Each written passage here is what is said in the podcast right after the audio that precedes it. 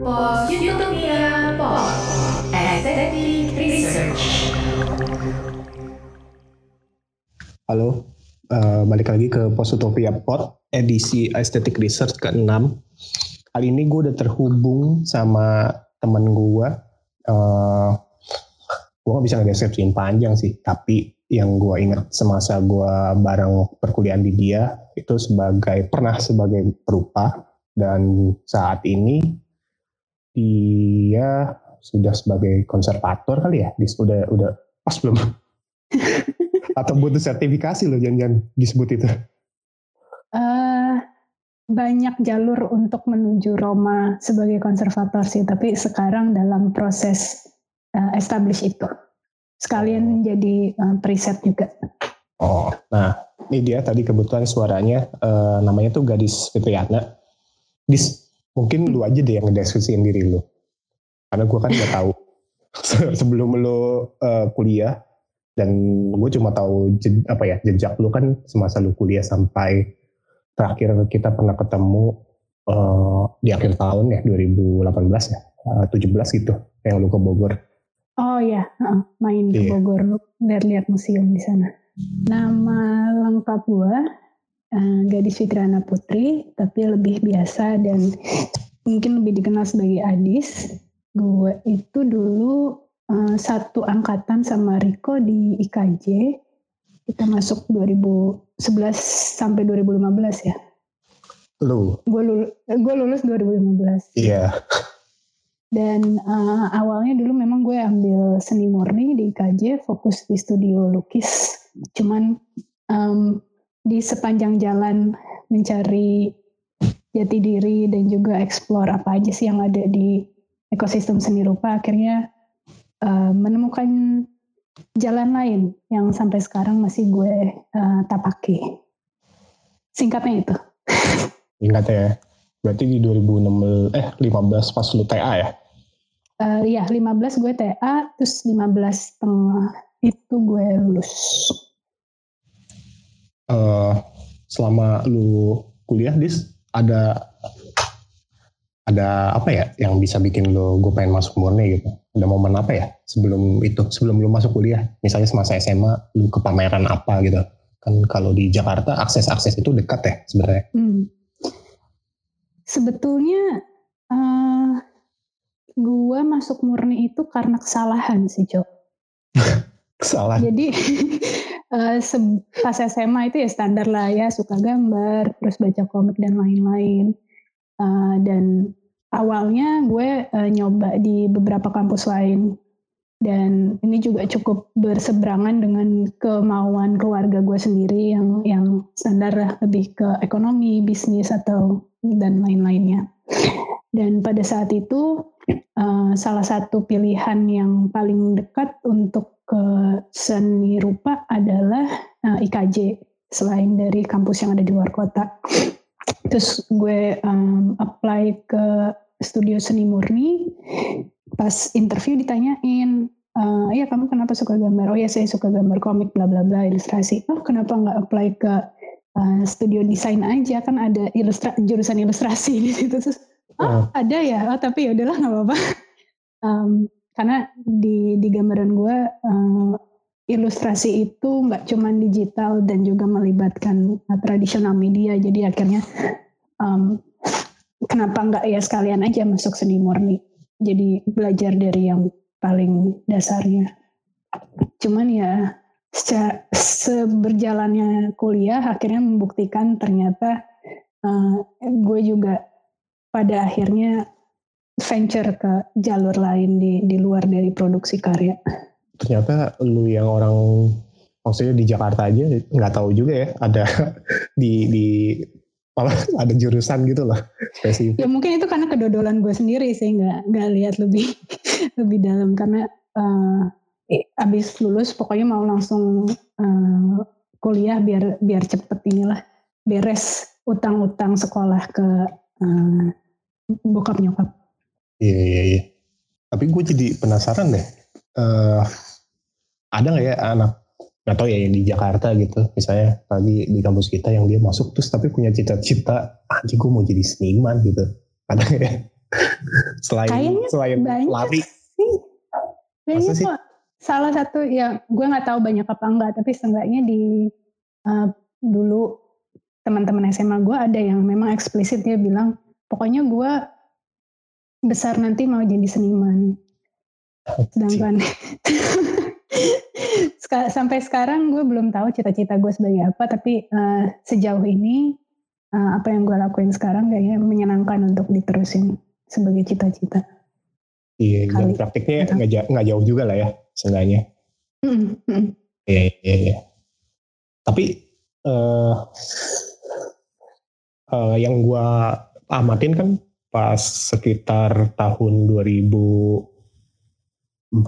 atau 13 ya. Kalau nggak salah kan lu pernah eksis dialog. Mm. Nah, sejauh sebelum itu pun lu sempat kayak pernah ikut kan kayak pameran-pameran undangan atau submisi.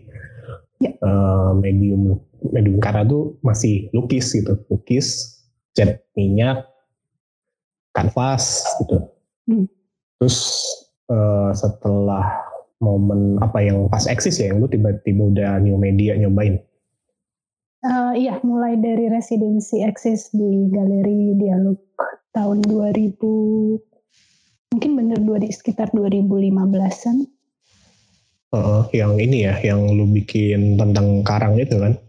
Mm. Waktu Uh-huh. itu eh, tema kuratorialnya eh, Bodies of Land Between Water, kalau nggak salah. Eh, Hmm. Dan gue di situ ngebahas to- soal anthropocene dan pe- pe- coral bleaching dan ya mulai eksperimen media-media sampai ke titik oh em, ada ada hal lain selain lukis tradisional yang eh, gue gue kira gue akan enjoy terus sampai mati sebelumnya. Tapi itu lu dapat pengalaman artistik itu dari mana bis? Bisa tiba-tiba anjing nih, nih, apa new media seru nih gitu. Dari eh, kebiasaan gue gampang bosan dengan satu hal sih, Cok. Karena eh, gue itu tipe yang nggak bisa bilang apakah gue punya hobi satu doang gitu. Jadi Hmm. selalu abis nyoba satu, terus harus eh ada ngelihat eh, video mapping dan akhirnya gue coba, terus habis itu gue inkorporasi ke apa yang sebelumnya gue seneng lakukan, which is eh, ngelukis di atas panel kayu dan iya tapi itu satu sisi dari em, produksi artistik kali ya pada pada periode itu. Iya iya iya. Dan kalau nggak salah di tahun lu eksis itu eh, tadi 2013-14 itu pun seni media masih baru-baru banget lah ya. Maksud gue masih jarang gitu kalau nggak salah di di setiap eh, lu lihat peralatan iya peralatan seni lah menurut gua. Hmm. Masih dipakainya tuh kalau nggak salah masih sebatas entertain maksudnya ya itu tadi nggak jauh dari proyeksi visual ke gedung misalkan atau ke acara musik saat itu biasanya masih di situ sih. Lagi rame-ramenya pameran eh, media baru juga pada saat itu. Dan Oke. em, lagi rame konvensi ini juga apa eh, pop art mainan-mainan, game, komik dan segala macam. Terus di Hmm. sisi lain juga eh, ada gudang garam art award yang mulai eh, banyak karya-karya media baru di situ. Jadi eh, exposure-nya pada pada periode itu kebetulan like, baru Iya, iya, iya. terproliferasi mungkin di di, di Jakarta. Berarti se ya itu lu udah ngulik sebelum TA pun sebenarnya lu udah punya inilah ya istilahnya bagasi buat anjing seni media kayak bisa seru nih gitu. Terus momen apa dis yang bisa lu mau ngebanting diri lu malah jadi orang bukan orang dapur sih jatuhnya konservasi. Orang ya? latar eh, ini belakang layar. Iya ya, tapi dia kan malah ngurusin maksud gue kadang karya yang nggak dipamerin pun masih dia urusin gitu loh. Hmm. Iya kan? Ya belakang layarnya belakang layar, berarti lebih belakang lagi. Di balik layar, di balik baliknya layar. Itu momennya, eh, Lex? eh, momennya adalah pameran em, retrospektif Raden Saleh di tahun 2012. Jadi sebetulnya proses gue mulai interest ke um, ranah konservasi dan perawatan koleksi seni itu berjalan uh, barengan sama ketika gue ngulik-ngulik uh, kekaryaan gue di uh, media baru juga. Jadi di tahun 2012 itu kalau misalkan lu ingat, teman-teman yang dengerin ini ingat, itu di Galeri Nasional uh, diadakan satu uh, pameran yang fokus ke uh, overnya Raden Saleh uh, karena um, entah Galeri Nasional atau ada ada yayasan namanya Yayasan Arsari ah, gue lupa nama nama ini apa lengkap yayasannya untuk um, menampilkan karya yang uh, beberapa waktu lalu dikembalikan oleh Belanda ke Indonesia hmm. yaitu karya penampak penangkapan di Ponegoro oleh Raden Saleh dari Belanda. Dan yang mau di highlight di pameran itu adalah bukan hanya pengembaliannya tapi juga uh, proses restorasi dari lukisan tersebut. Dan gue pada saat itu datang ke pameran bukan sebagai uh, penjaga pameran karena itu masa-masa di mana teman-teman gue juga udah mulai banyak ini ya anak IKJ kan suka dipanggil untuk entah oh. jaga pameran di di galeri-galeri dan yeah. pas gue datang itu uh, pertama kalinya gue lihat dan dengar kata uh, konservasi dan restorasi lukis karena di pameran itu di bagian belakang uh, galeri C kalau nggak tahu yang sebelah itu mereka bikin satu ruang yang didedikasikan untuk memperlihatkan proses uh, restorasi karya tersebut. Dan uh, sayangnya adalah pas gue datang, gue nggak tahu kalau sebelumnya tuh mereka bikin uh, open call orang-orang untuk ikut workshop konservasi bersama dengan konservator yang memang diundang oleh ini kan acaranya kerjasama sama Goethe Institute. Hmm. Jadi mereka mendatangkan satu konservator dari Jerman untuk merestorasi dan juga uh, bikin semacam workshop introductory lah yeah, yeah. Uh, untuk orang-orang yang yang tertarik. Nah, gue kelewatan itu. Tapi semenjak itu dan gue akhirnya tahu, oh ada loh hal ini gitu sebagai profesi.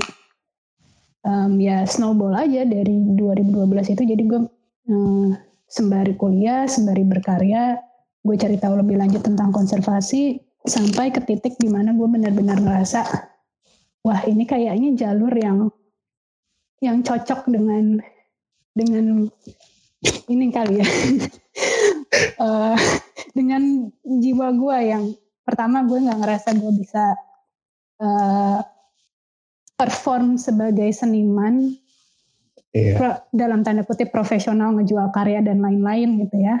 Yeah. Uh, karena gue tipe yang ya berkarya itu lebih ke buat gue terapi dan berdialog sama diri sendiri daripada untuk jadiin yeah. itu project dan segala macamnya. Dan uh, konservasi semakin gue tahu di awal-awal itu semakin menarik karena dia itu ada di tengah-tengah antara apa yang gue suka dari uh, seni rupa dan produksi, tapi menarik karena uh, dia juga bersentuhan dengan sains, bersentuhan juga dengan um, apa ya pertanyaan-pertanyaan soal uh, pengarsipan, penjagaan dan pelestarian karya. itu.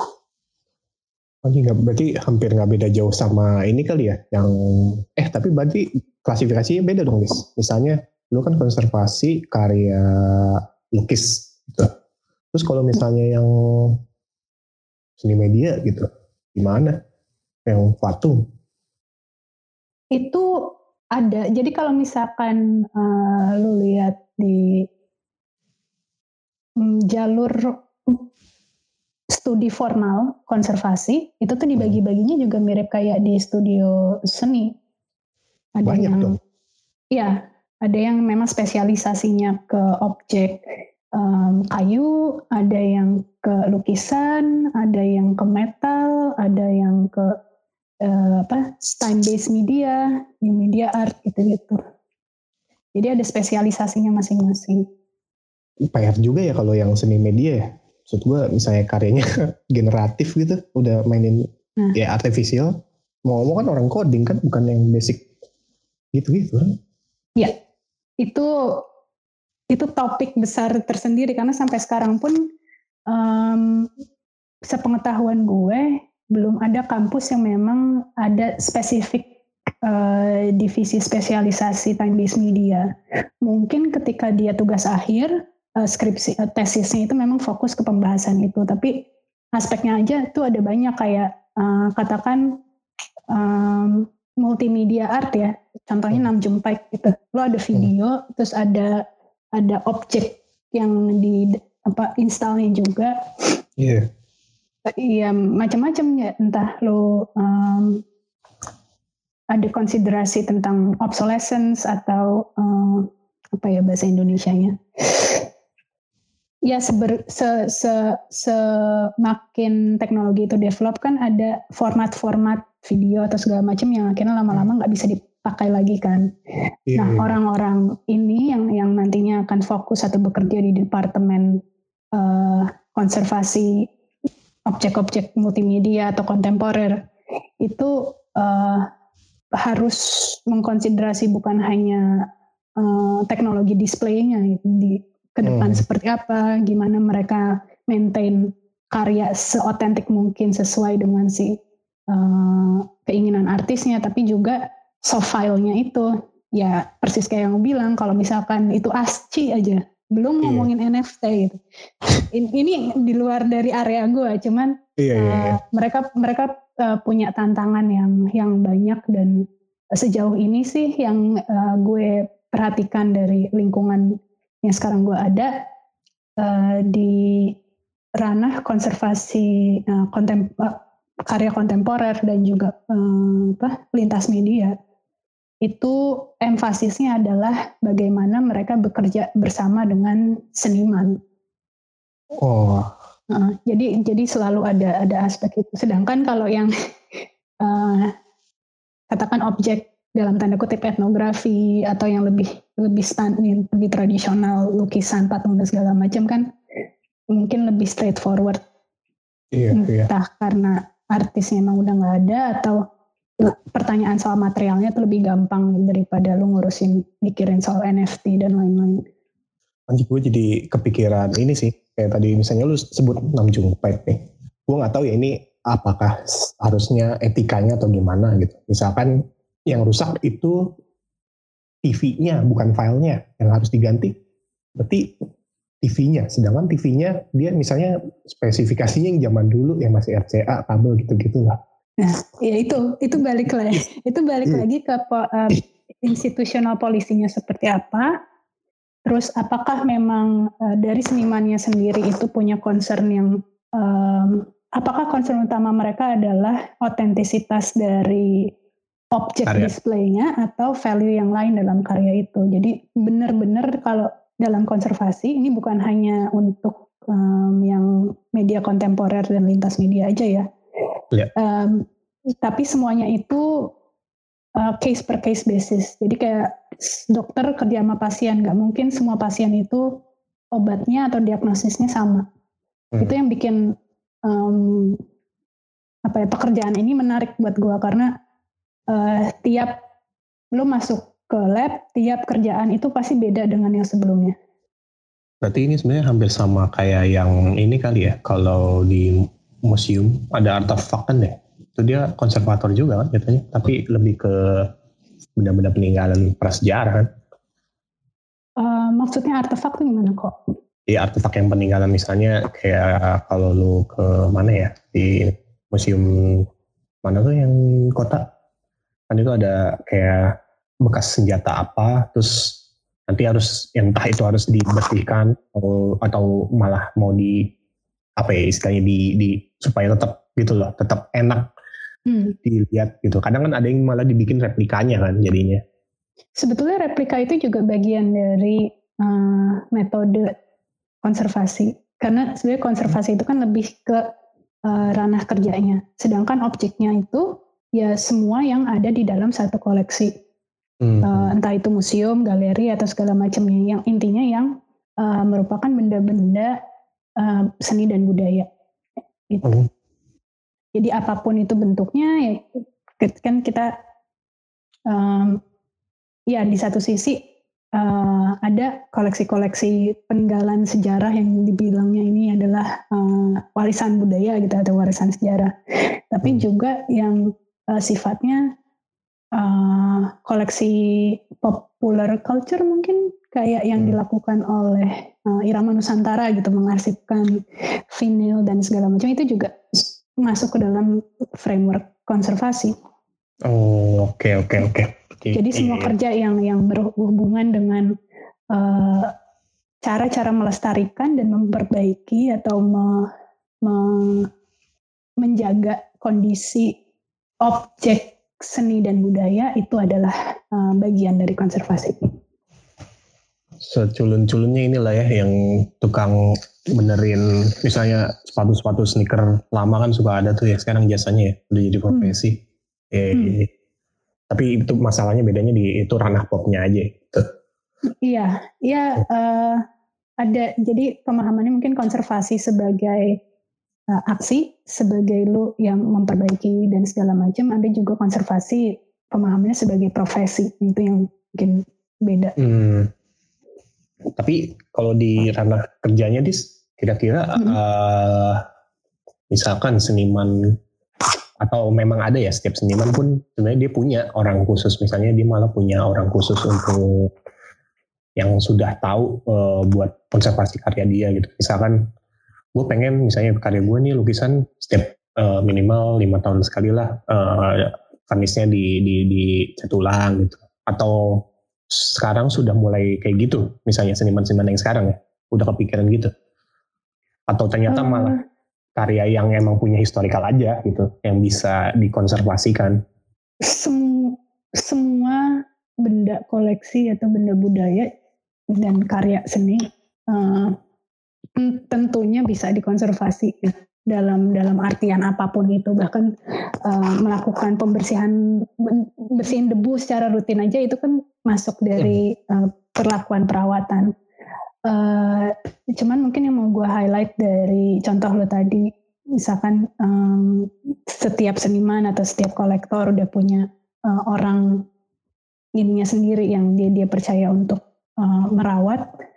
Uh, perlakuan konservasi itu bukan sekedar uh, preferensi, oh maunya ini di apain pakai uh, teknik apa supaya nanti kelihatannya bla bla bla, tapi uh, banyak konsiderasi di situ karena ketika kita merawat karya kita juga atau memperbaiki itu kan bisa uh, mempengaruhi uh, otentisitas karya tersebut. Bisa aja kalau misalkan uh, ini pakai contoh spesifik lukisan aja ya.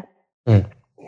Uh, terus katakan gue punya lukis satu lukisan A, terus gue kenal sat, uh, seniman yang kenal dengan seniman itu, terus habis itu dia um, punya skill untuk memperbaiki katakan kalau misalkan ada uh, cowok-cowokan dan gue datang ke dia terus minta eh, ini benerin dong soalnya ini uh, mungkin kecoel atau apa. Tidak sesimpel itu karena uh, bisa aja orang yang memang uh, belum begitu uh, paham atau concern soal etika-etika di balik tadi memperbaiki merawat dan segala macam dia bisa aja kan nambahin uh, interpretasi dia atas karya itu. Jadi uh, ada sisi teknis, tapi juga ada sisi etika di uh, praktik konservasi itu sendiri. PR ya kalau dipikir. Wah iya. Etikanya sih sebenarnya yang yang yang lumayan PR banget tuh. Iya iya iya iya iya. Ya. Uh, eh iya, lu kan sekarang lagi di Jerman, Sa Belanda? Saat ini di Belanda. Belanda uh, dalam rangka dalam rangka uh, ada satu riset jadi program research fellowship uh, kerjasama dari Rice Museum terus Nikas Nikas tuh seperti apa ya badan riset kolaborasi dari beberapa uh, kampus dan institusi yang ada di Belanda um, mereka dapat pendanaan untuk melakukan uh, apa ya ya penelitian soal secara global uh, bidang heritage science dan konservasi itu nanti sekarang ada di mana dan masa depannya harus ke mana. Mm. Gitu. Tapi uh, ini kerjaan apa? cuma setahun. Oh setahun. Kontraknya cuma setahun, cuman eh, nggak uh, tahu habis dari sini akan apakah bisa berkembang lagi atau enggak. Hmm, oke oke oke oke. Kalau misalkan uh, di Indonesia pekerjaan itu udah bisa bisa maksud gue menjanjikan gak sih misalkan se, se ya. Kan yang gue tahu baru di Bogor sempat ada ya itu si siapa kalau salah Indira ya. Pen, eh, hmm. uh, sebagai, sebagai apa konservator juga atau enggak sih? Uh, dia sempat kerja praktik. Oh. Hmm. itu kalau di Bogor eh di Bogor di Indonesia di mana uh, sebagai apa nih? Sebagai profesi bisnis sebagai uh, bidang studi atau apa? Kalau bisnis kan sebenarnya bisa bisa bisa tiba-tiba nongol ya sebenarnya. Kalau bidang studi uh, belum ada kan? Bidang studi konservasi itu um, kalau di Indonesia yang formal di kampus-kampus spesifik dia melahirkan ini ya apa um, sertifikasi itu belum, tapi uh, deket ini sedang direncanakan dan kalau nggak salah tahun depan 2022 itu isi buka jurusan konservasi. Tapi gue belum tahu detailnya ya. Hmm. Uh, cuman mungkin komentar gue soal apakah menjanjikan belum. Uh, sangat dibutuhkan dan kalau misalkan memang kita bisa dapat dukungan dari bukan hanya dari sisi industrinya aja ya, tapi dari iya. sisi akademinya juga. Jadi emang benar-benar establish uh, profesionalitas dan juga kebidangan itu sendiri di luar dari bisnisnya itu uh, menjanjikan sekali karena memang ada PR besar supaya kita bisa punya um, yang yang ngebangun ininya, ngebangun profesinya di Indonesia karena kalau misalkan hmm. lu lihat ke beberapa tahun ke belakang kan bahkan uh, profesi kurator aja tuh baru diestablish kan. Yeah. Secara secara inilah apa uh, birokrasi gitu. Hmm. Diketahui dan konservasi juga ada di di situ walaupun masih beberapa langkah ke belakang karena kalau ngelihat uh, kampus-kampus yang menawarkan program kuratorial atau art history udah mulai udah mulai banyak pengkajian. Cuman kalau konservasi ya kita belum. Jadi stepnya tuh um, banyak yang harus masih masih banyak pekerjaan yang harus kita lakukan dan ya menjanjikan banget dan memang sudah mulai banyak uh, pihak baik itu individual atau juga kelompok-kelompok yang mulai bekerja untuk ke sana gitu. 2022 ya berarti ya? Ya tahun depan isi. Cuman um, gimana itu bentuk programnya masih masih uh, gue secara pribadi belum belum tahu banyak uh, visi dan dan arah mereka tuh akan ke mana. Tapi kalau secara gue mikir culun nih Dis ya sebenarnya artisan pun beberapa maksudnya dia kan ada yang ngerti ya cara kerja si seniman yang dia artis yang dia uh, asistenin gitu. Hmm. harusnya dia juga bisa dibilang itu masih secara ini? Maksudnya nggak secara profesi sih tapi secara basic mereka tuh sebenarnya bisa kan pegang gitu loh dasarnya. Nah ini yang uh, gue selalu berhati-hati ya ketika kita bilang oh, apa itu dan siapa itu yang hmm, bisa pakai label atau bilang oh gue konservatif hmm. segala macam karena itu balik lagi ke apakah uh, si individual ini punya pemahaman soal yang tadi etika-etika dalam hmm. memperbaiki karya skill ya gue juga kita bisa bilang kalau misalkan semua yang bisa gambar pun mungkin bisa melakukan restorasi beberapa beberapa perlakuan restorasi yang membutuhkan skill gambar. Tapi sama halnya dengan ketika lo bilang um, apakah seseorang yang bisa uh, main snow atau filter-filter di uh, aplikasi HP secara bersamaan dia adalah seorang desainer hmm. atau atau fotografer karena dia bisa tahu angle foto dan segala macam. Itu kan itu, pertanyaannya itu. Jadi um, iya semoga itu make sense. Tapi kalau secara eh, secara dalam uh, sejarahnya sendiri, kalau misalkan di ini sejarahnya Barat ya, yeah. konservasi itu kan awalnya memang uh, bidang yang uh, muncul lewat dari apprenticeship, jadi lu berguru gitu, nggak nggak masuk ke sekolah gitu, emang karena lu dulunya entah artisan atau apa, yeah. terus habis itu punya punya pengetahuan ekstensif soal si seniman ini dan akhirnya juga lu bisa memperbaiki.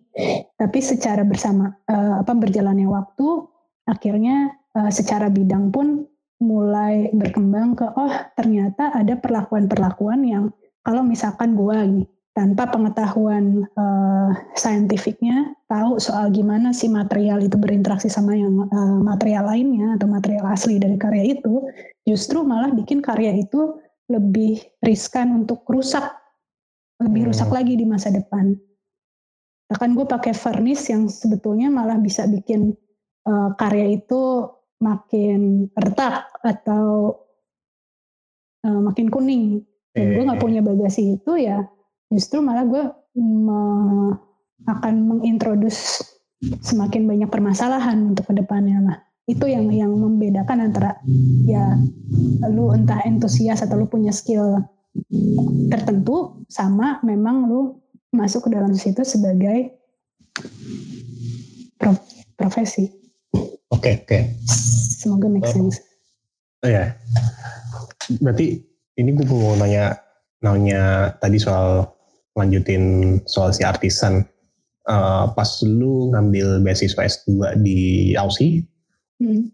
uh, ada nggak yang ternyata uh, teman sangkatan lu gitu misalkan ya ternyata dia juga pernah uh, emang latar belakangnya artisan gitu terus akhirnya malah jadi pengen nyari seriusin gitu.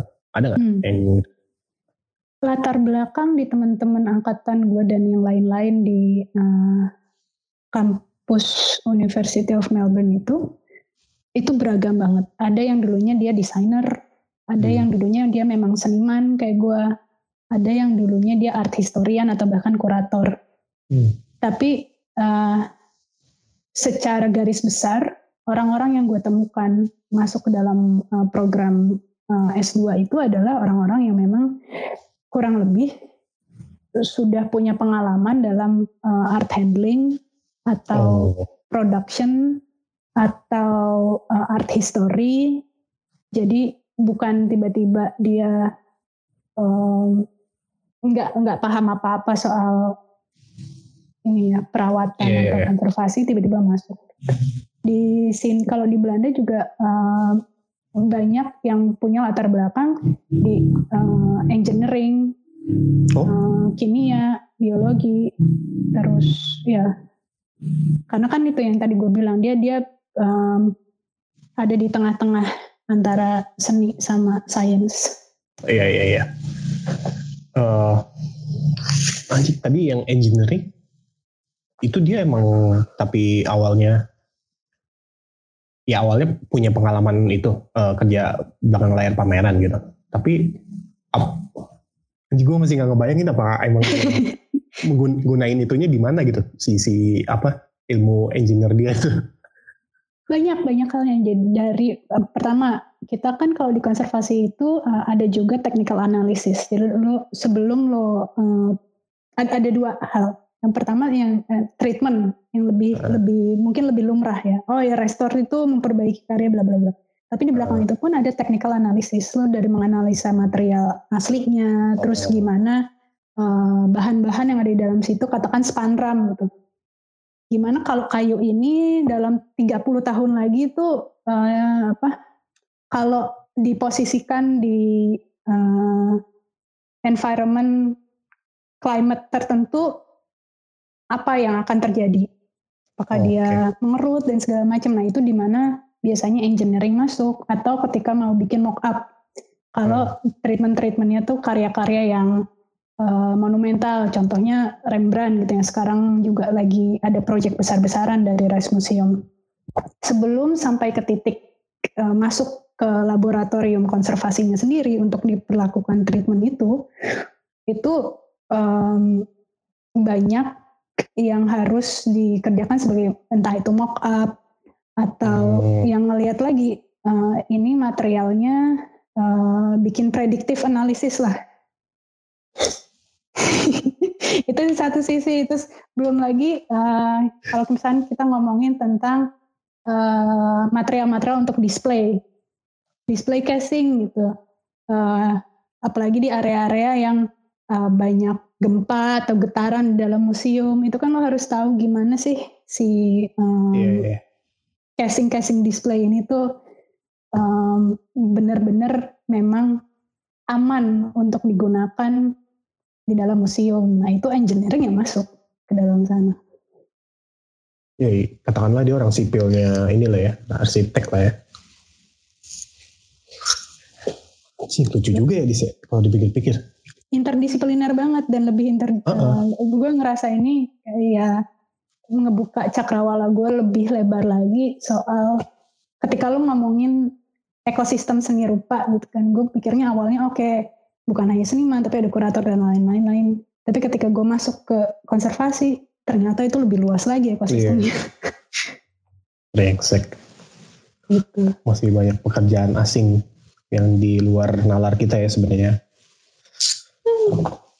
Oke, okay, berarti kalau uh, selama lu kuliah nih di LC tadi uh, dua tahun, tiga dua tahun? Ya, 2000 eh, 2020 sampai 2021. Uh, mata kuliah lu praktik dong, kebanyakan. Kombinasi.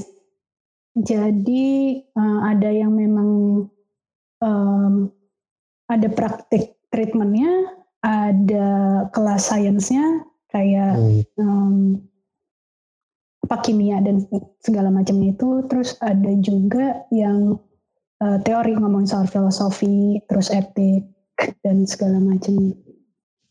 Itu praktik yang treatment pakai hmm. lukisan asli apa lukisan-lukisan gimana tuh? Asli asli. Jadi oh, ya? karena kampus karena lab kita itu uh, dekat juga dengan museum, terus kita juga emang punya ada kayak commercial services di Melbourne hmm. juga. Itu jadi beberapa kesempatan ada kolektor yang memang menghibahkan koleksinya mereka untuk jadi student object oh, ya? untuk kita uh, untuk kita jadiin project di dalam kelas gitu. Itu itu bahaya nggak bahaya bahaya nggak sih sebenarnya ya ketika mereka udah menghibahkan dan memang mereka tahu ini untuk uh, riset akademik untuk digunakan sebagai training uh, mahasiswa nggak masalah karena kan kita selalu punya uh, supervisor kan. Dan sebelum sampai ke titik treatment itu tuh kita juga belajar gimana sih cara memformulasikan proposal gimana lo uh, observasi kondisi karya tersebut, terus lo justifikasi langkah-langkah yang lo mau lo mau ambil, terus lo belajar juga gimana cara um, quote dari langkah-langkah ini. Uh, jadi bukan hanya ngelihat uh, treatmentnya doang, tapi juga ngelihat oke okay, konsiderasi budgetnya apa, terus ya, lo ya, bikin ya. opsi A, B, C dan segala macam. Uh, terus uh, selain dari yang memang kolektor pribadi yang ngasih hibah, itu di kampus kita kan juga punya koleksi kampus sendiri. Hmm. Uh, eh, karena kalau di University of Melbourne itu tuh dia punya uh, School of Artnya juga, dia punya School of Medicine dan segala macam, dan mereka punya museum-museum kecil di dalam kampus. Jadi kadang-kadang juga mereka butuh ini nih buat ngerawat koleksinya katakan fakultas uh, science atau uh, koleksinya perpustakaan. Kan banyak buku-buku manuskrip uh, tua. Nah itu uh, di, dijadikan kesempatan anak-anak uh, dari lab 2 untuk ya training atau berlatih. Tadi sampai buku pun ada yang di ini maksud gue buku jenis apa nih? Buku macam-macam manuskrip-manuskrip katakan manuskrip tua uh, oh. atau uh, di perpustakaan kita kan juga punya beberapa divisi khusus ya divisi manuskrip Asia, hmm. divisi uh, manuskrip tentang um, apa perang dan segala macamnya. Uh, ya, ya itu. Berarti role-nya harus keisi tuh ya. Dan gue juga kaget tadi ternyata lo harus ya bahasa sini mah lo harus rancang RAB dulu nih buat ngajuin opsi ya budget A, B, C, kalau A begini budgetnya gitu-gitu hmm. birokrasi segitu tuh. Bukan birokratis tapi ya memang itu uh, best practice itu yang yang yang akhirnya membedakan antara uh, lo memang konservator secara profesi atau lo bisa nusir atau lo bisa oh. ngopi uh, bentuk yeah, iya, mata yeah. atau segala macam gitu kan. Iya. Yeah, yeah. Berarti itu ada ada apa ya istilahnya uh, sebutan misalnya yang tadi lu bilang nusir ini mata, terus ada yang jadi mandornya, ada yang gitu-gitu dong? Kalau dalam settingnya udah di studio sendiri gitu ya, studio konservasi hmm. sendiri, um, bukan mandor sih. Ya kita tuh kalau misalkan dalam dalam ya tadi setting studio entah itu private atau di dalam museum ada ini juga hierarkinya dari kepala departemen, senior konservator, junior konservator atau uh, conservation scientist. Hmm. Ini secara general kalau di yang museum yang established gitu ya. Iya, Tapi iya. mungkin kalau misalkan di studio pribadi ya ada yang emang jadi senior konservatornya, terus ada yang uh, baru masuk sebagai uh, apprentice yang baru belajar gitu ya, dia pasti akan dituntun terus. Um, di beberapa kasus mungkin kalau misalkan emang dia operasinya cuma sendiri, seperorangan, uh, ada yang apa ya teknisinya mungkin. Jadi hmm. dia hanya emang dia skillnya uh, untuk nusir tuh bagus gitu yeah, bisa yeah, yeah. bisa uh, matching warna cepat karena dia emang mungkin dulunya sempat kuliah atau uh, orang pelukis juga. Tapi uh, akan di di uh, di guide secara secara apa ya secara uh, intens juga sama si konservator utamanya ini nggak bakal dilepas yang oke okay, lo inilah perbaikin sendiri. Uh, pertanyaan gue selanjutnya, up, lu pernah nggak dapat uh, misalnya lu dapat pekerjaan tapi ternyata karya yang harus lu urusin ya seniman favorit lu gitu. Terus lu dapat apa ya kayak ya lu tau lah kayak dapat wah akhirnya gue dapet nih. Gue lihat di detail gitu. Fetis-fetisnya keluar tuh sampai samping kanvas lu liatin gitu gitu ada nggak sih yang aneh-aneh seru-seru gitu setiap yang sempat gue uh, kerjain atau gue asisten nih untuk mengerjain itu ser gue bisa bilang seru semua sih. Apalagi ketika pas gue um, magang di Melbourne di bagian komersialnya uh, studio Greenway itu kebetulan uh, project yang harus gue kerjakan adalah ini uh, disaster response jadi tanpa mendisklose terlalu banyak uh, informasi sensitif, ada satu storage unit di uh, Australia. Jadi dia uh, akumulasi dari beberapa museum. Hmm. Dan di storage itu malamnya ada uh, tangki air panas bocor. Terus tangki air panas itu bocornya tuh langsung ke ini apa railing-railing tempat naruh koleksi karya. dan lukisan oh, karya. Iya, iya. Jadi uh, itu banyak yang kesemprot-semprot segala macam. Dan uh, tadi pertanyaan lu apa ya? Gue lupa. itu yang, yang seru-seru gitu.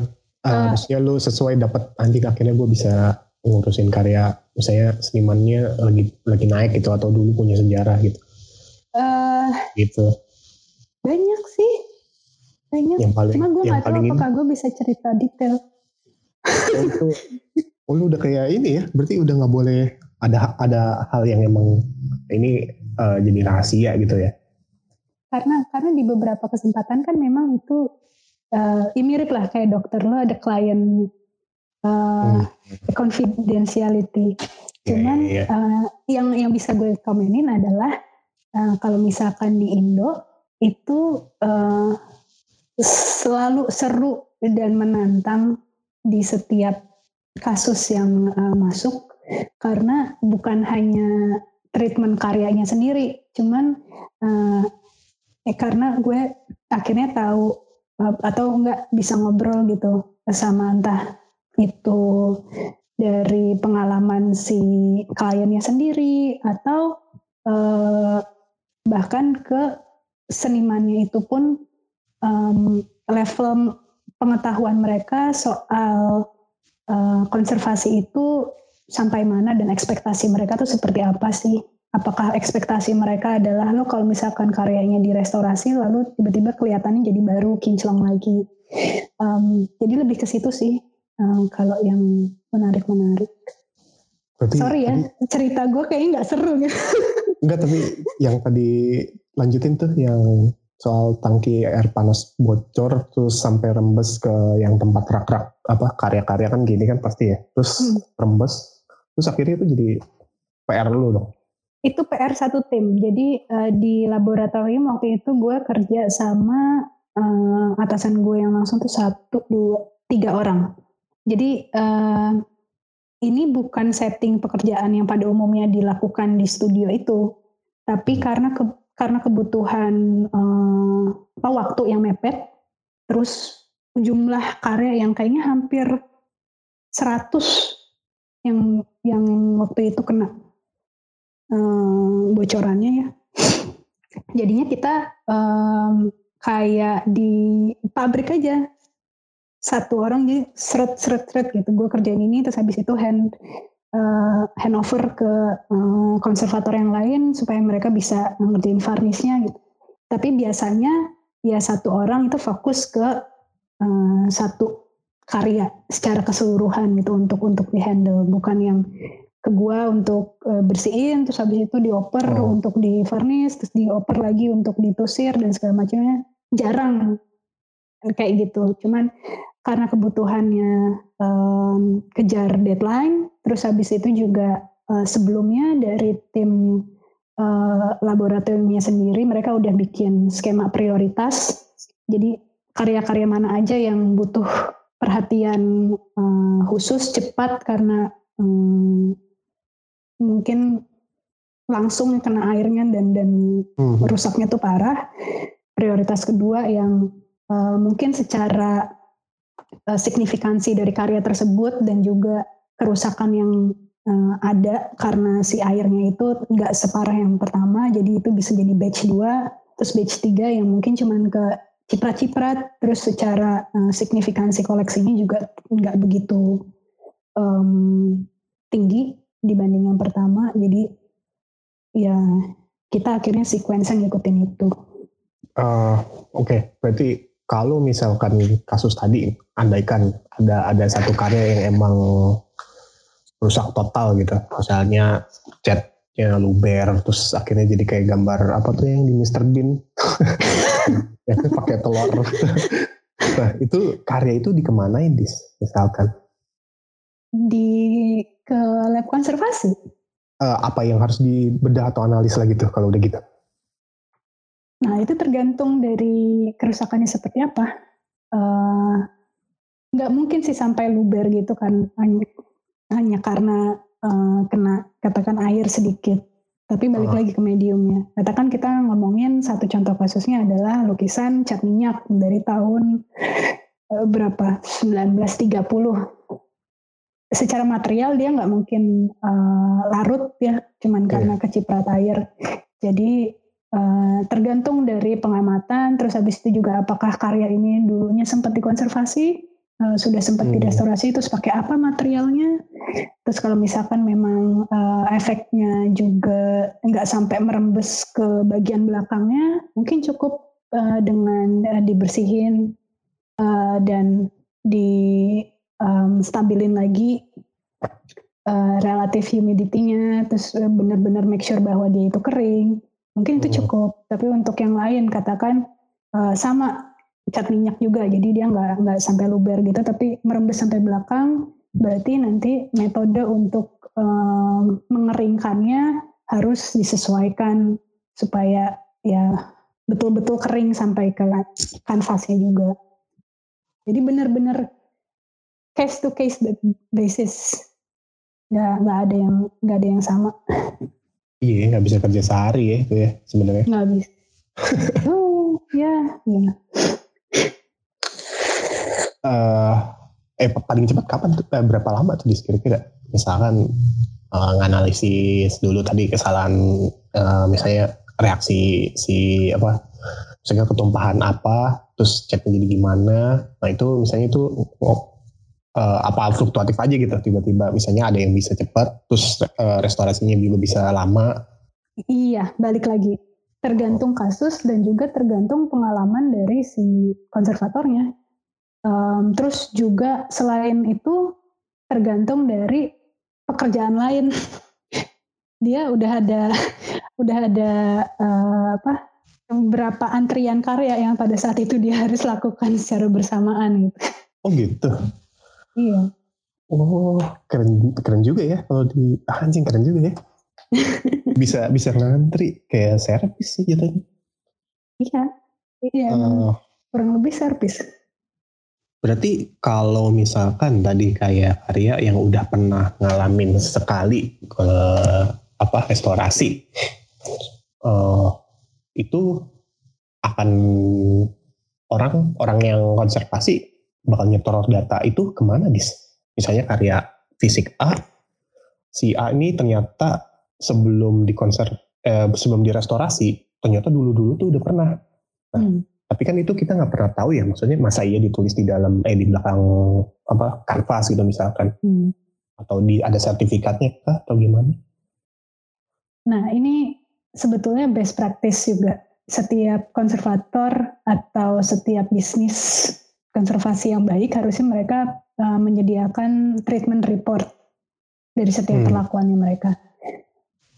Apakah semua konservator yang sekarang ini praktik memberikan report itu nggak tahu karena balik lagi ke individualnya kita nggak ada standar dan kita nggak ada framework pajak iya. untuk itu terus apakah format uh, treatment reportnya itu sama nggak juga karena tiap studio tiap orang tiap institusi punya treatment report formatnya mereka sendiri oh. terus apakah si klien itu juga uh, apa disiplin ya untuk minta untuk yeah. karena kan ketika lo ngomong oh. soal sejarah karya gitu kan ada bidangnya sendiri itu provenance lo cari tahu oh ini masa lalunya nih punyanya siapa sebelum masuk ke, ke uh. koleksi apa sebelum dijual masuk ke auction tuh ada datanya sedangkan konservasi juga harusnya ada provenance-nya gitu. ada ada ada rekam jejak ini dulunya perlakuannya siapa apa aja pakai material apa itu tricky karena iya, ya iya, susah iya. lu siapa tahu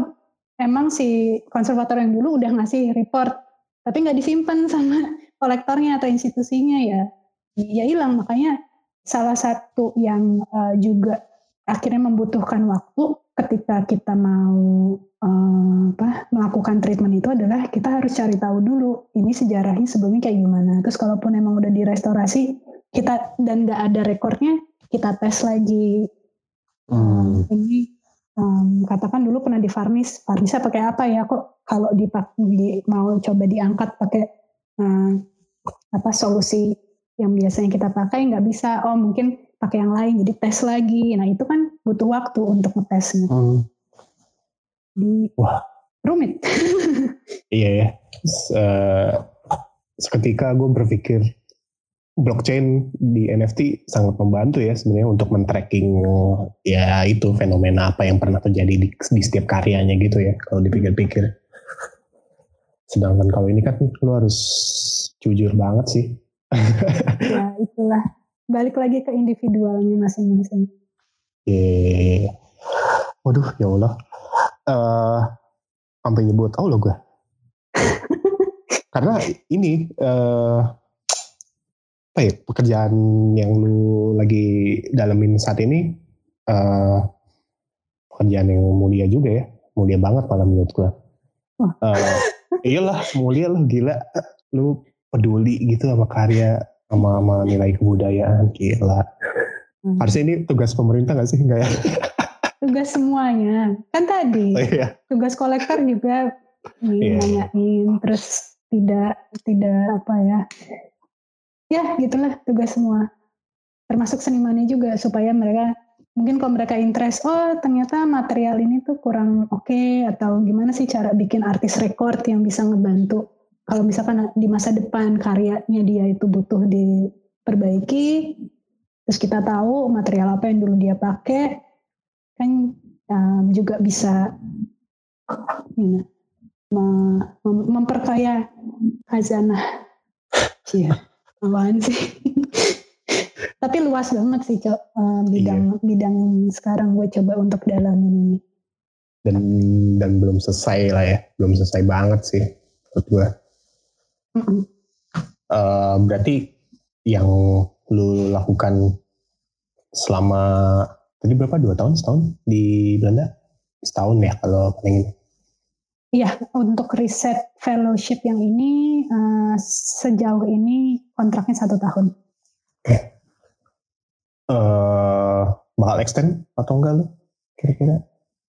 Eh, belum tahu, tergantung nanti eh, hasil akhir dari riset kita yang dibutuhkan apa, terus eh, karena sebetulnya riset gue itu nggak nggak begitu praktikal ya.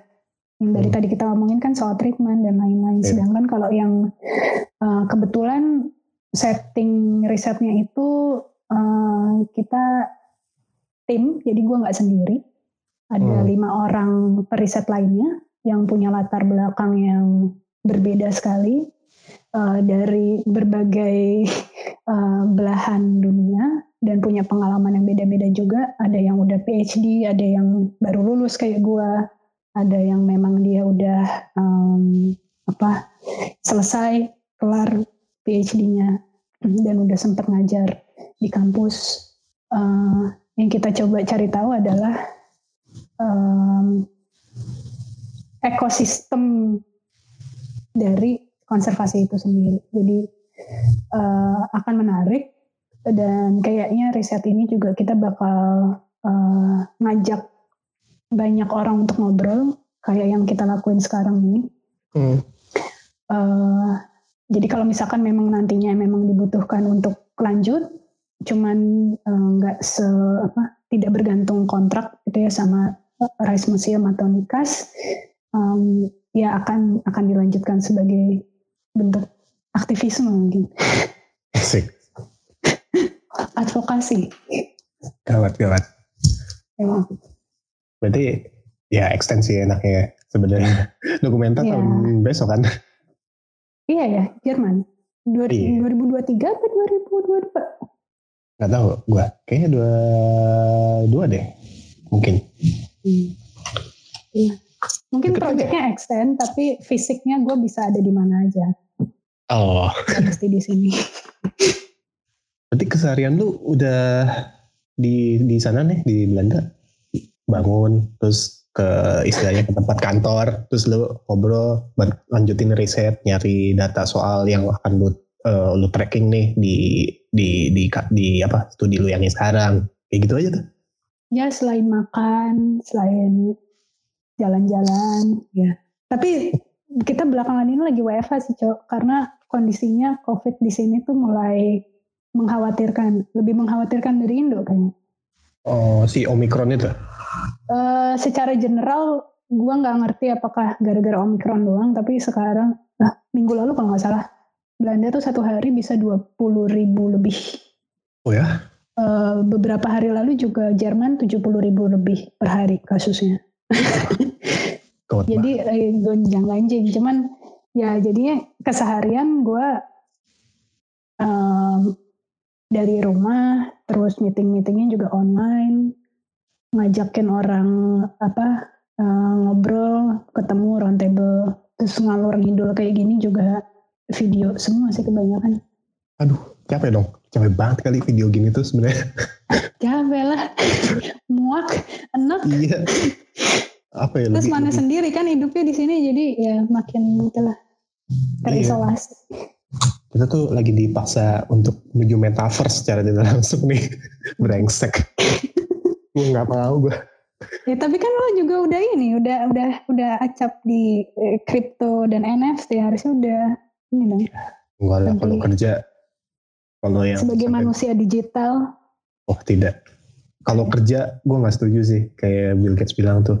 Enggak sih. Nggak, nggak apa ya. Belum efektif sih ya. tapi lo ngerasa nggak sih cok semenjak orang udah lebih apa ya lebih embrace ya digital communication kolaborasi kayak gini tuh lo lebih gampang untuk kolaborasi lintas area lintas waktu lebih gampang gitu untuk ngajakin orang ngobrol Iya. Iya Kan? itu itunya benar. Eh, benar-benar. Cuma kalau dari gue paling yang bikin gak serunya kan tahu ya kayaknya lu punya dua ini aja nih kalau harus ngeliat layar dulu terus dari layar tuh ada ada translate-nya lagi nih ke lu gitu. Itu capek sih menurut gue nah pegel banget. Dan kalau ngomongin WFA kan sebenarnya kalau gue kan hampir 70% freelance ya. Jadi ya udah hmm. udah udah udah WFH gitu udah WFH terus. Ya jadi nggak ada yang baru sih menurut gue kalau sejak pandemi ini. Sama aja jangan pesimis gitu dan cok bukan bukannya pesimis tapi sama aja Hmm. bedanya cuma pakai masker aja etikanya Cuman itu sih yang gue kerasa apa ya beda banget gitu ketika gue pindah ke eh, lingkungan kerja yang baru di lingkungan budaya yang baru juga. Gue ngerasa lebih gampang untuk navigasi meeting atau kerja secara online dibanding kalau misalkan dulu eh, balik di Indo karena di Indo kan ya emang lu bikin koneksi ya nongkrong gitu iya lebih, lebih enak secara langsung. Sedangkan kalau misalkan yang udah kebiasa soal eh, lewat email dan lain-lain, em, jadinya tek tek tek tek tek gitu dan makanya ya pengalaman pengalaman profesional baru juga sih buat gue. Mhm. iya sih beberapa eh ini gue juga ada kan gue bikin studio studionya tuh ya bareng Astrid itu sempat lagi ngurusin NGO Singapura deh kalau nggak salah New Narrative itu pun kerjanya udah pakai kayak apa ya kalau di yang umum dipakai kayak Slack gitu jadi lu udah Hmm. tinggal rapor eh episode Hmm. sorry report terus nanti ketahuan ke tracking gitu gitu Hmm. gue ini wah ini keren banget ya kalau dipikir-pikir udah ke tracking gitu lu cuma tinggal duduk di mana aja bisa mantau. Tapi kan Hmm. lu nggak bisa dapat pengetahuan pengetahuan brengsek gitu kalau lu misalnya kerja tapi ketemu nih. Ya saya gosip-gosip gitu. Nah itu itu nggak ada tuh gitu tuh. Pengetahuan interpersonal dan dapurnya Ah. itu susah untuk dibangun. itu tuh. Ya, jadi ya asas asas kerja aja jadinya. Bukan asas pertemanan kerja ini berarti lu eh jangan lockdown di sana enggak Di sini antara lockdown dan tidak lockdown.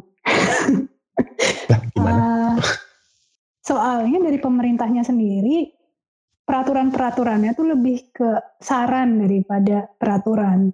oh bingung kali ya dia gue yakin bingung Jadi bingung, ha-ha, Iya. karena orang-orangnya tuh da- lebih dablek dari orang Indo, cowok. Gue pikir di sini, oke, inilah nurut gitu. Oh iya disuruh pakai masker dikit, demo. Disuruh vaksin, demo. Disuruh apa, demo. Jadi udah kebiasa punya ini apa hak hak individu, nggak mau disuruh. iya gue juga sempet kaget sih yang katanya ada kasus beberapa pemain, pemain bola yang emang nolak vaksin terus katanya dia rela eh, potong gaji aja daripada vaksin Ih, itu gue baru dengar tuh. Itu, itu kocak sih menurut gue sampai sampai segitunya Eh, lu di kota atau di mana nih kalau di sana jatuhnya? Gue di eh, Amsterdam Selatan, jadi udah agak melipir ke eh, bagian-bagian gentrifikasi, area gentrifikasi. anjing suburbannya suburban kan Inilah apa eh, Lebak Bulus lah, Jadi udah Oh. melipir Tangsel, Eh, dia masih di selatan. Tapi akses dari apa kota lu? Eh kota, jatuhnya bukan kota kan gue bilangnya? Eh, kota, kota. Oh kota, tempat Hmm. namanya apa? Dan akses transportasi umum? Transportasi umum di sini gampang banget sih. Gue ke kalau misalkan ke Rice Museum cuman 20 men eh 30 menit kalau naik tram, kalau naik sepeda 20 menit. Lebih gampang naik sepeda. Ah 30 menit, 20 menit. Mm-mm. Kok bisa lebih lama karena transitnya kali ya atau apa? Karena muter-muter kalau tram kan berhenti-berhenti dulu. Oh, Kalau sepeda tuh ya eh, jaraknya dari tempat gua ke Rice Museum itu sekitar tiga setengah kilo. wah deket dong. Untuk ukuran di sini udah lumayan jauh. karena perbukitan. Hmm, Amsterdam itu datar, sedatar-datarnya. Karena kotanya kecil. Karena di sini tuh kecil.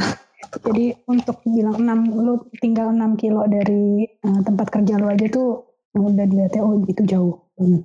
Be- beda ininya standarnya sama Jakarta. di jalan 3 jam mah normal. Iya sih. Berarti next selanjutnya kalau si riset ini udah selesai, lu mau merencanakan apa nih? Atau ada gelisah-gelisah apa? Oh, gelisah mah banyak ya. Gak tahu, belum tahu. Gue sih sejauh ini lebih ke ya kalau misalkan emang ada kesempatan gue untuk belajar lebih jauh lagi, gue akan lakukan itu. Tapi untuk survivalnya sebisa mungkin gue nabung lah. PhD mungkin, tapi nggak tahu lah itu mungkin atau enggak. Wah, sekolah mulu lu ya? Soalnya nggak tahu mau ngapain, Jo. Sekolah Iya aja sih. lah. Eh, selanjutnya misalkan ada rezeki, apa? US? US ada nggak sih? Eh, US ada, tapi eh, mungkin kalau misalkan yang deket-deket sini sih gue masih tertarik untuk eh, di Belanda ya karena kan ada kolaborasinya tuh bisa deket gitu ke Rice Museum eh, sama Leiden terus koleksi-koleksi Indonesia kan juga banyak di sini. Oh iya. Terus kebetulan juga dari tesis eh, S2 gue yang kemarin itu tuh eh, banyak sekali arsip-arsip yang memang eh, belum bisa gue akses, which is karena gue tesisnya itu pas lockdown. Jadi gue pertama Oh. nggak bisa ngelihat karyanya, kedua gue nggak bisa lihat akses apa arsip yang fisik. Ya kalau misalkan emang gue bisa lanjutin itu, ya kenapa enggak? Kecuali tiba-tiba ada panggilan gitu ya di Indo. Dis kerjain ini dong. Oh ya oke. Balik. Iya. Berarti orang-orang itu tuh sebenarnya kerjanya proyek proyek jangka panjang lah ya, atau emang konservasi? Ya konservator seperti itu gitu ternyata. Hmm. Iya, nggak ada tuh dis emang kerja-kerja duit cepet gitu di di bidang lu. Ya, Ya, misalnya, Ya ada. Ada. Misalkan lo udah udah masuk studio, ya kan itu per per treatment kan. oh, Cuman kan untuk bisa masuk ke situ kan eh, baiknya adalah lo training dengan sebaik mungkin, lo kumpulin dulu eh, metode-metode. Oh kalau misalkan di sini itu perlakuannya seperti ini, oh kalau di sana kayak gini. Nah beda lagi konteksnya kalau di Indo mungkin apa yang lo pelajarin di eh, luar, which is dana dan akses ke material-materialnya lebih gampang, nggak mungkin dilakuin kalau di Indo. Otherwise iya, harganya bakal ini banget karena mesti impor lah segala macam. Jadi beda-beda. Cuman serunya kalau misalkan di riset, apalagi yang riset yang kemarin gue lakuin, which is lebih ke sejarah material, penggunaan material, ya kurang lebih mirip kayak lu riset ini aja sih sejarah seni gitu, tapi fokusnya ke materialnya. Nah anjing. itu itu tuh yang jangka panjang, kagak bisa cuma setahun kayak gue ngerjain eh, apa tesis gue kemarin. Makanya kalau misalkan emang ada kesempatan gue bisa riset itu, tapi juga masih bisa apa develop yang di bisnisnya sih eh, bakal seru kayaknya. Itu tadi eh, gara-gara lu ngomongin TA soal riset se- apa material penggunaan material lukis di Hmm. spesifik tahun berapa di berarti? Itu gue ngeliat penggunaan aksesibilitas dan juga ketersediaan material lukis di Indonesia periode eh, ini Perang Dunia Kedua, jadi penjajahan Jepang. 42 40 sampai 43an. Ya, 42 sampai 45. 42 45. Tapi karena eh, data, pengetahuan dan riset eh, soal yang periode sebelum itu belum ada, jadi itu juga masuk ke penelitian gue. Ya. Kayak dari zaman apa eh, bokapnya Basuki Abdullah tuh. Itu jadi kayak-. Anjing, jadi kayak bukan PR lu tapi harus dimasukin ya. Iya bagian lah, bagian dari PR. Anjing, gue jadi kepikiran ini, Dis. Eh, nggak tahu ya ini di di luar ada nggak ya karya-karya lukis yang punya nilai klenek gitu dis? Misalnya ada nilai mistis gitu. Terus lu masa harus berhubungan supranatural sih masa gitu? Misalkan gitu sebagai konservatornya. Ada nggak sih? Ada banyak. Dari koleksi-koleksi yang memang eh, katakan contohnya em, traditional paintingnya eh, ini suku aborigin itu kan ada bagian Oh. ritualnya juga dan ini sebe- sebetulnya juga perdebatan yang lagi lagi seru kalau di eh, ini konservasi gitu ya Ya, lu ketika satu koleksi yang sebetulnya itu bagian dari ritual masuk ke dalam koleksi museum, di mana posisi si konservator itu gitu. Karena mungkin perlakuan yang biasanya dilakukan di lab itu berseberangan sama ritualnya. Iya kan? Nah, ini ini nih bagian dari etika. iya Tuh kan? Dua Contoh dunia kecil juga keris gitu. Keris yang masuk di koleksi katakan eh, British Museum atau di eh, Amrik. Mereka Uh-huh. kan nggak mungkin mandiin terus Iya, segala iya, macam kan. Cuman eh, ketika lu ngomongin eh, budaya kan lu nggak bisa misahin antara benda sama komunitasnya. Jadi ini yang perbincangan yang lagi mulai mulai keluar gitu. Cara merawat secara trad- dalam tanda kutip tradisional dan juga merawat secara dalam tanda kutip eh, akademik. Banyak lah itu itu podcast tersendiri mungkin sama orang yang lebih paham. gue tuh ngomong gini gara-gara kemarin sekitar akhir bulan Agustus gue kan ke teras belakang ya di daerah Ciledug. Itu studio rekaman gitulah tempatnya The Adams gitu-gitu. Nah itu ada salah satu junior kita dis. Eh sorry dua malah. Junior lu deh lukis. Eh, Niko. Nah itu dia dapat orderan melukis tentang kejadian eh, apa tuh yang eh, tangkuban perahu? Eh bangun candi seribu candi bangun iya bangun candi. Roro Jonggrang. iya tapi dia eh, disuruh spesifik eh, malam sebelum terjadinya ronjonggrang tapi disuruh interpretasi. Sama si orang yang eh ibu juga nggak ngerti sih ini kayaknya rada emang gaib sih. Jadi kayak lu si mereka ini si Niko ini datang diundang ke kayak kalau nggak salah sih dia bilangnya rumahnya di daerah-daerah Sentul Bogor gitu. Terus Hmm. beneran lu mau bikin harus di ritualin dulu gitu. Di apa di malamnya harus gini terus jamnya jam segini. Terus dia di sampai dikasih lupa pas buat ngelukis itu. Itu kan seru ya karena serunya tuh lukisannya gue ngeliat gitu sambil uh, ngeliat prosesnya. Soalnya minggu pertama gue datang tuh masih kayak sketsa. Terus minggu pas gue datang di malam itu kan kaget ada ada nasi kuning gitu-gitu. Ternyata itu kayak seserahan lukisan itu se- selesai. Hmm. nah itu gue jadi ingat gitu ini kalau karya kayak gini gimana cara ngizin izinnya gitu.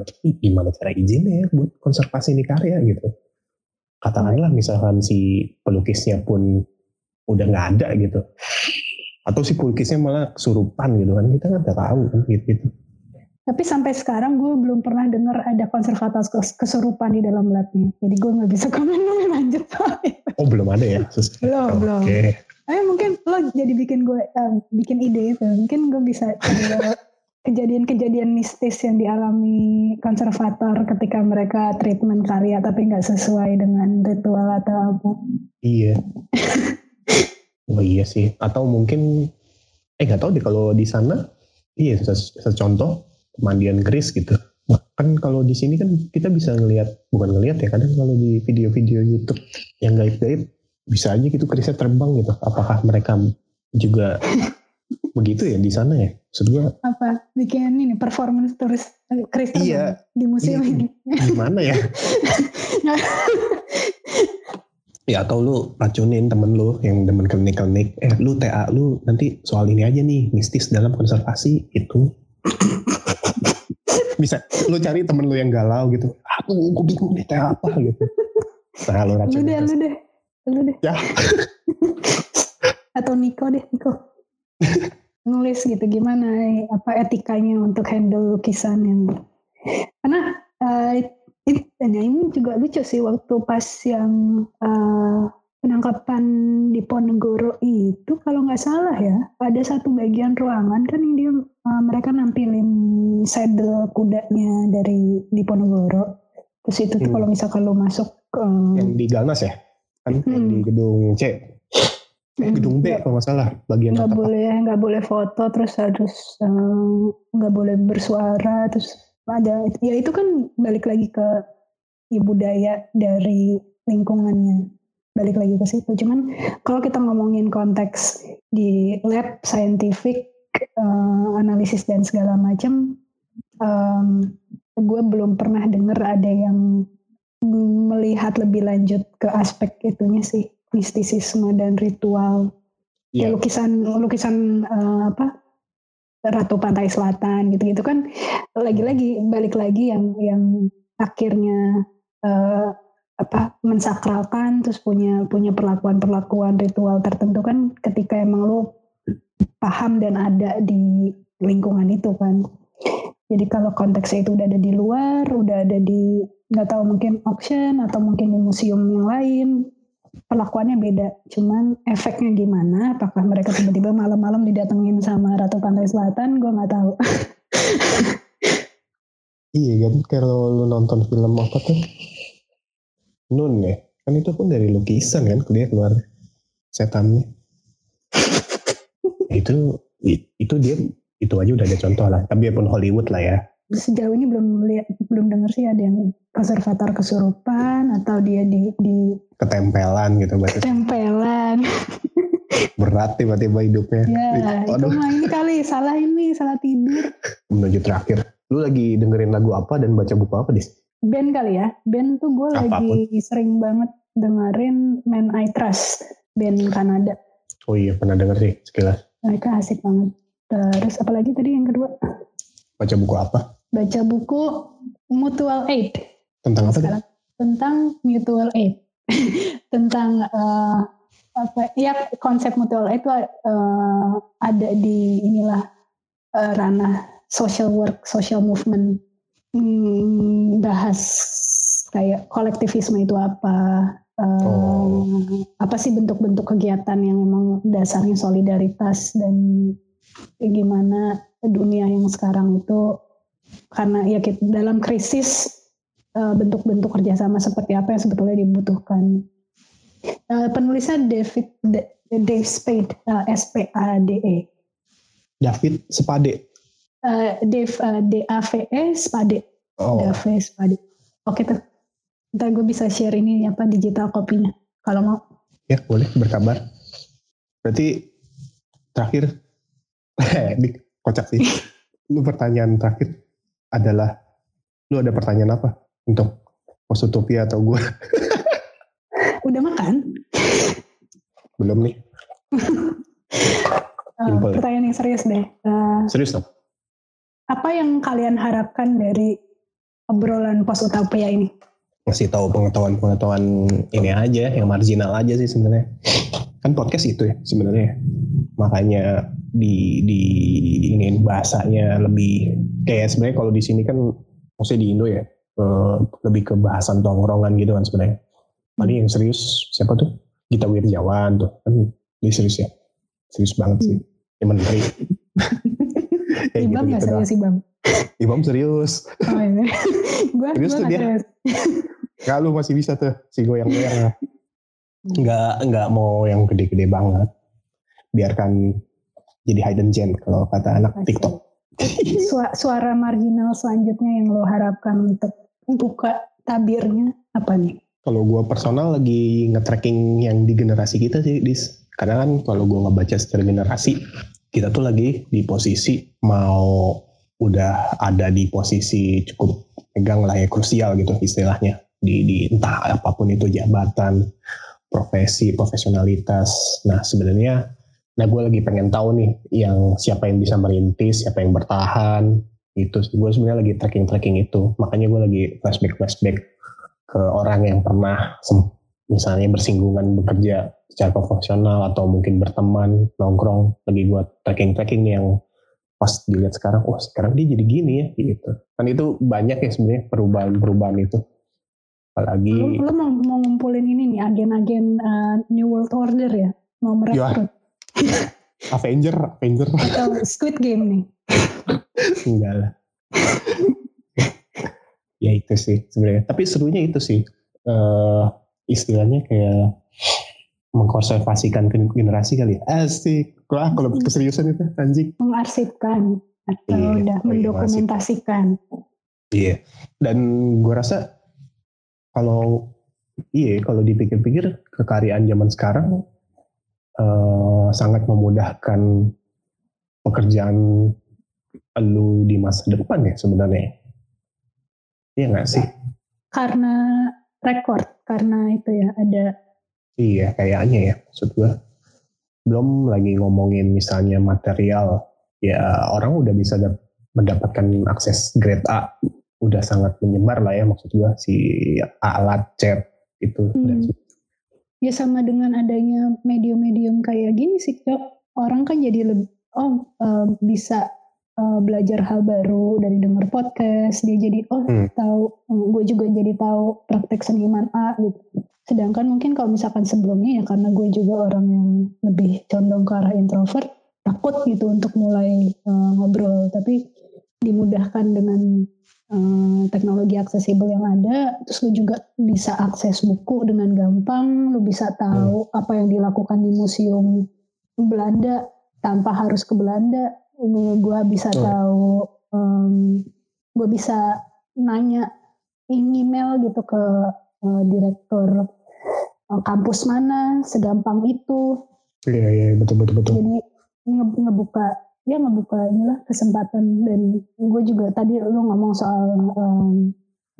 apa ya fa- fasilitas pengkaryaan juga akhirnya gue ngelihat karena kemungkinan itu jadi lebih terbuka bentuk dari pengkaryaan pun jadi lebih beragam. Gue juga masih ngelihat diri gue sekarang itu bukan berarti gue nggak berkarya tapi gue berkarya di bidang gue yang sekarang yang mau gue dalemin. Jadi nggak nggak berhenti di apakah gue berkarya lu atau gue atau orang-orang lain tuh berkarya ketika mereka bikin project karya seni doang tapi Hmm. dari lu mikir dari lu segala macam kan juga lo proses berkarya itu asik apalah itu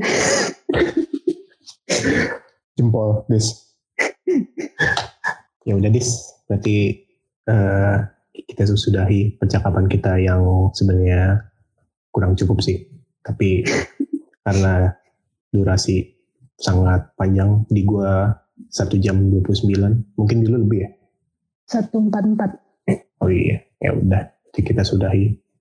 Makasih loh Dis sudah mau eh, ngobrol dan terhubung dari berapa benua nih kita. Ya segitulah. Ya thank you Dis. Deh. Dadah